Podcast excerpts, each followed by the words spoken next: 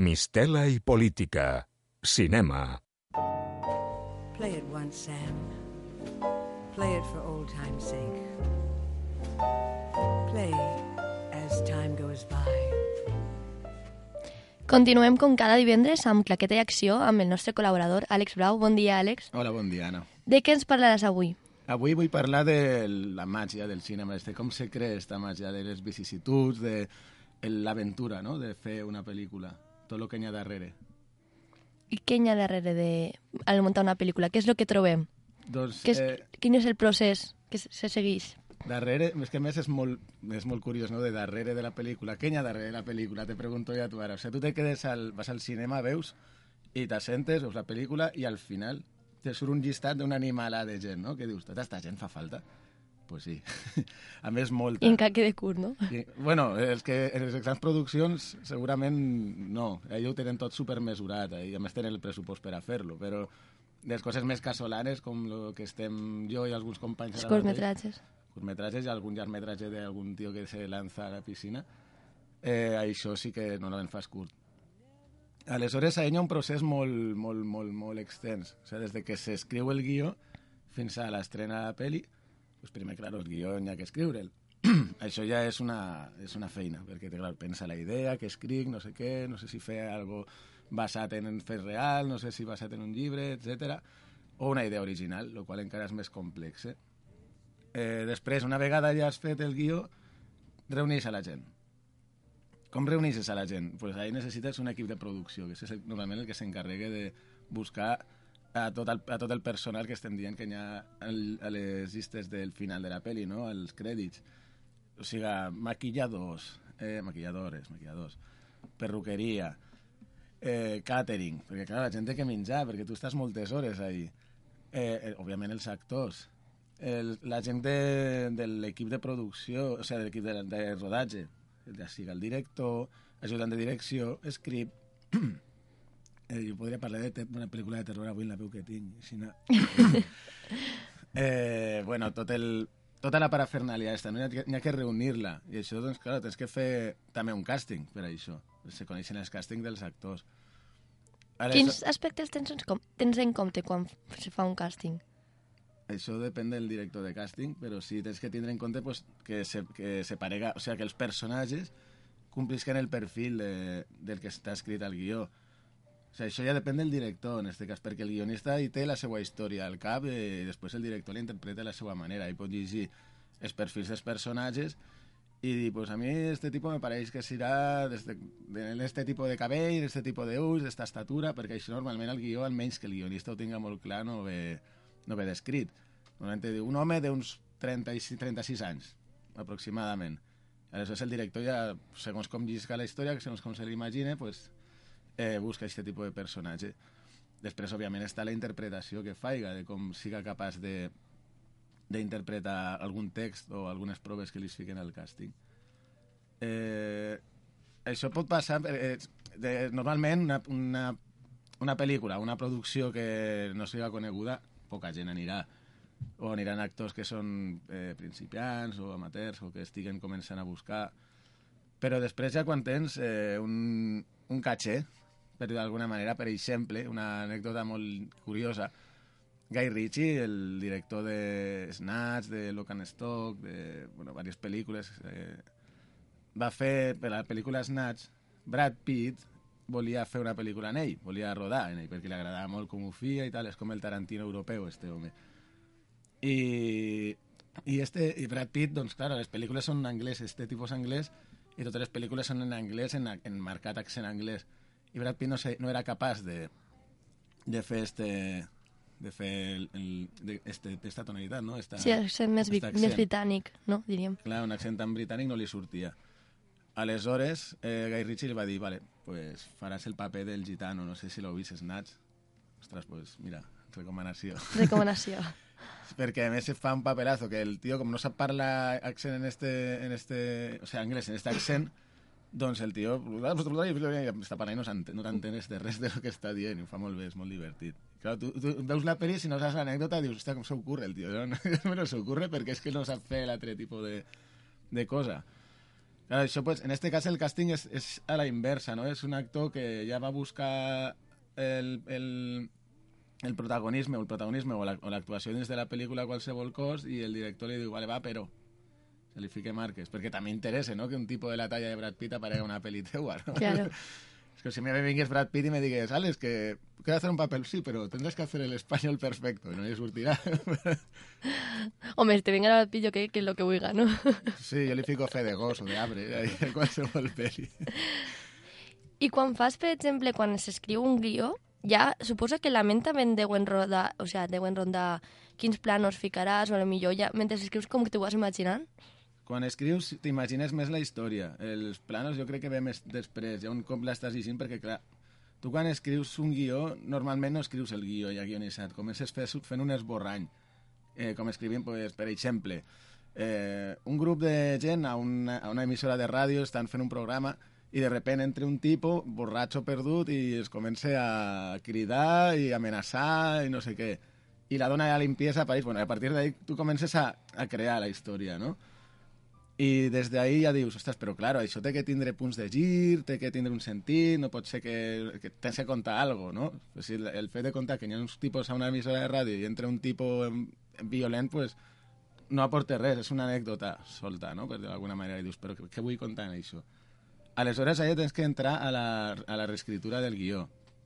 És un procés molt pesat, perquè és llegir una vegada, una altra vegada, reescriure una altra vegada, 50.000 vegades, cada... Raro és el guió que de buenas a primeras te surt ja.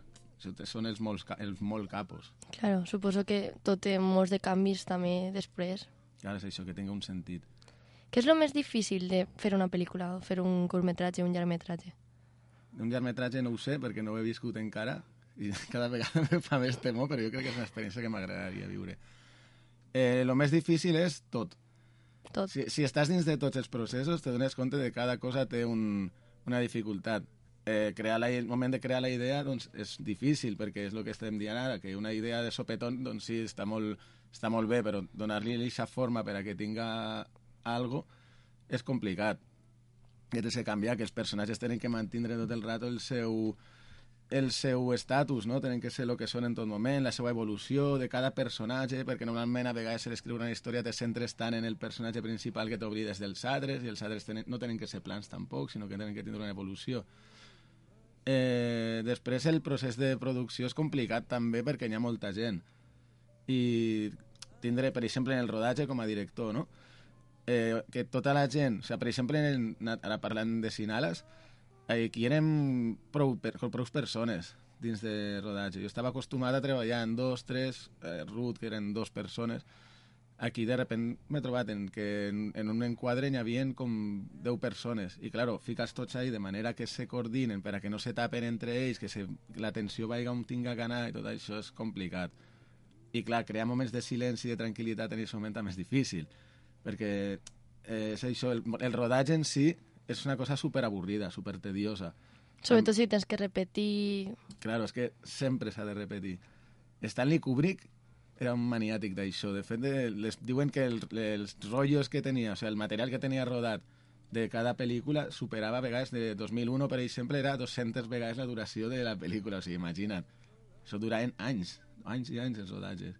Uf, imagina't el tostón que té que ser. O sigui, el Resplendor, ja continuen en Kubrick, la protagonista, eh, va tindre que tindre tractament psiquiàtric perquè aquell pagava molta canya. Imagina't un any sencer aguantant ahí la bronca del director, pues, que després ella diu, hòstia, gràcies a que ho va fer, pues, va aconseguir fer el paper d'esta manera. O sigui, que tot té el seu sentit, també, però és dur, és molt dur.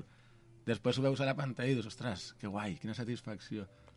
Ara nosaltres estem en el procés de postproducció que el muntatge que també, perquè, claro, tu quan estàs rodant, eh, el càmera pues, va, grava este plano, grava esta seqüència. En una altra càmera el torna a gravar per agafar un altre angle.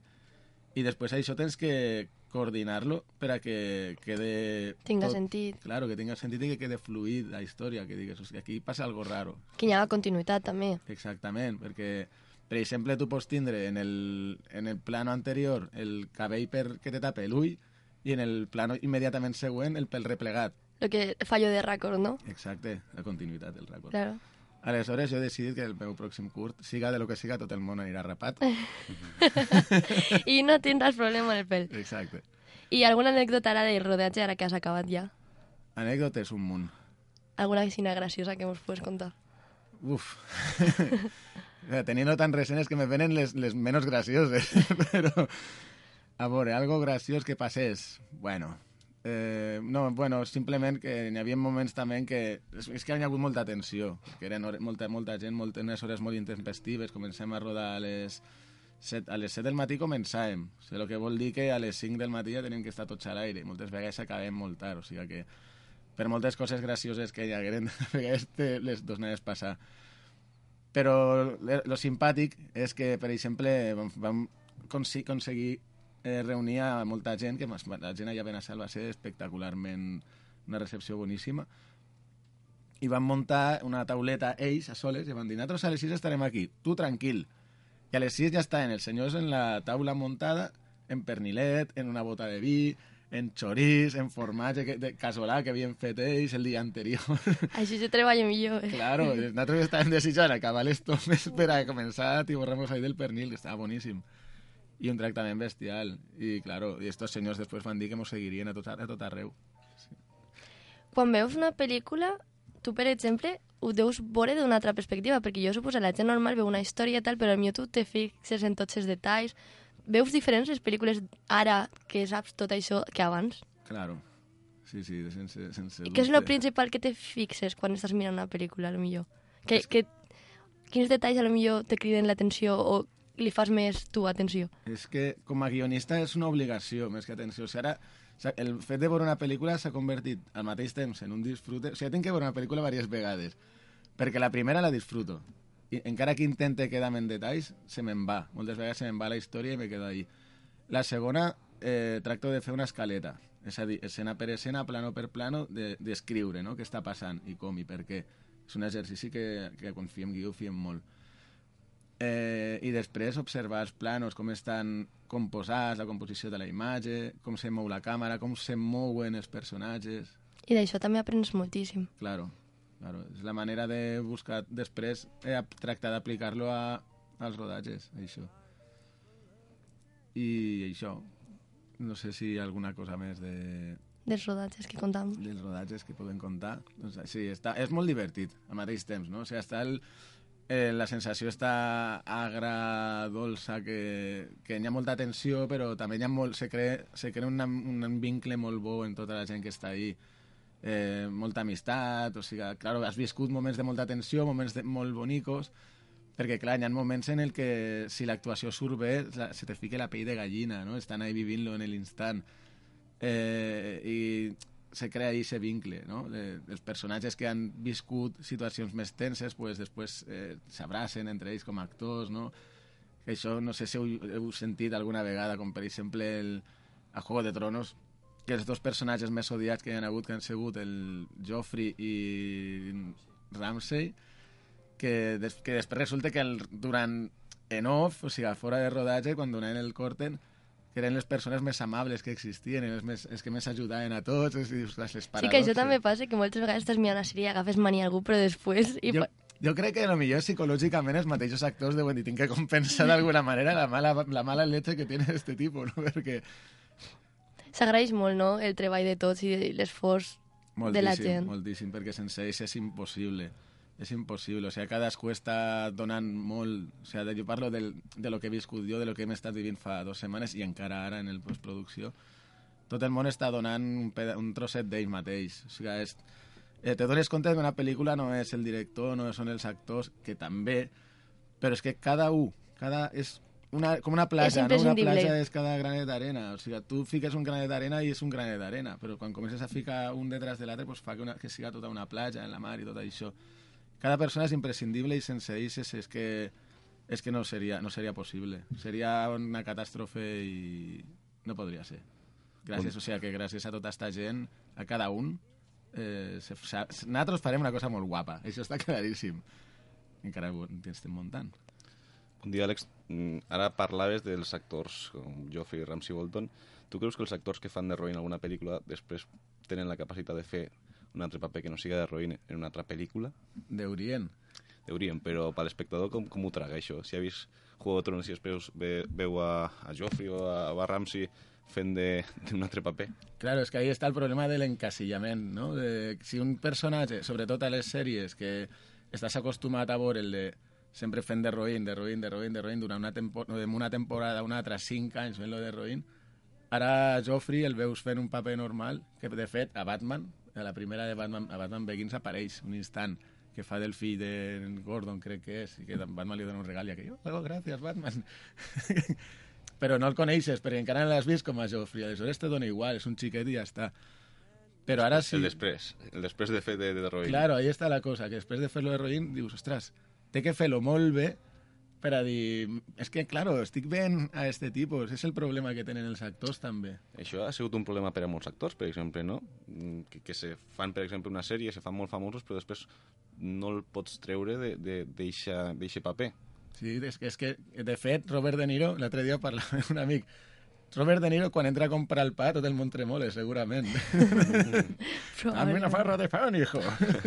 S'acollona tot el món, ahí. Però grans actors, per exemple, com DiCaprio, s'ha ficat en diversos papers i no hi ha problema, en teoria. Bueno, t'adaptes en seguida perquè, bueno, suposo que és, és el que té ser bon actor, no?, també. Claro, es que es, es, lo, es, la, es, la, es la esencia del actor, es ser capaz de fer papers de buenazo, paper de malo, paper de més cabroncete.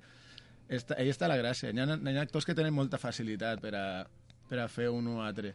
És ser un bon actor, això també. Exacte. A mi, ara que parlava d'això, el que m'ha passat és en Harry Potter. Ara, el Tom... eh, Com se diu? Daniel Radcliffe. No, no sé com pronunciar l'apellido, però em el traus de Harry Potter, que ja ha fet altres pel·lícules, però no me surt, no el Ha veig. fet, ha fet de nazi, no?, si no m'equivoco, en, en una pel·lícula. Pot ser una, una que, està fent, ara- que estan fent ara? Sí, sí, estava gravant d'alguna manera. I també està el Cuervo. És que la vaig veure al cine i era com... És que no el veig, jo el veig de Harry Potter i, i ja està. A mi me- no me passava en, en Christopher Reeve, això, perquè jo era mega fan de Superman i el veia una altra pel·lícula que li estaven pegant palo i dic, era sur separar Superman i els patarà tots, però no, no passava, el fotien palo. Bueno, ja per tancar això dels cur- curtmetratges, i com cada divendres tu ens recomanes dos pel·lícules... No, dos sèries i una pel·lícula, no? O com era? No, el- tres sí, pel·lícules i... Anna no se sabrà això. Jo recomano el que vulguis, Tres ¿sabes? pel·lícules i una sèrie. tres pel·lícules i una sèrie. Se m'ha anat. Vale, pues a veure, pel·lícules.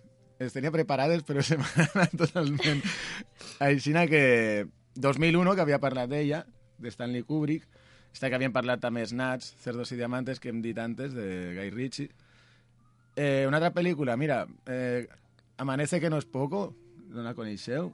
És una pel·lícula espanyola de fa uf, la tira, que quan va sortir la crítica la va, fer, va, la, la va ficar caldo perquè diuen que feien xistes ruïníssims. I és que, de fet, són xistes tan ruïns que són bons. És molt divertida. I en quant a sèrie, hi ha una sèrie que estic començant a, ve a veure ara, que està molt guapa i la recomano a tota la gent que ha viscut, el, el, que ha crescut a l'època, als, als 80 i 90. Stranger Things, has vist quina pronunciació? Sí, sí. La nova esta de Netflix, no? Sí, la nova de Ha Netflix. pegat un pelotazo enorme. Sí, sí, està, és, gent jo he vist un parell de- d'episodis només i està molt, molt ben feta, molt ben aconseguida i molt homenatge a l'època esta que estem parlant. Té, té segona temporada confirmada i tot, ja. Se veu de l'èxit que ha tingut. Mhm. Imagina't. Molt bona acollida. Bueno, pues ja sabeu les pel·lícules d'aquesta setmana i la sèrie perquè tots els oients nostres la puguem veure. I tornem la setmana que ve amb més La que té acció. Gràcies, Àlex, una altra vegada per estar aquí. Gràcies a vosaltres. is just a kiss. A sigh is just a sigh.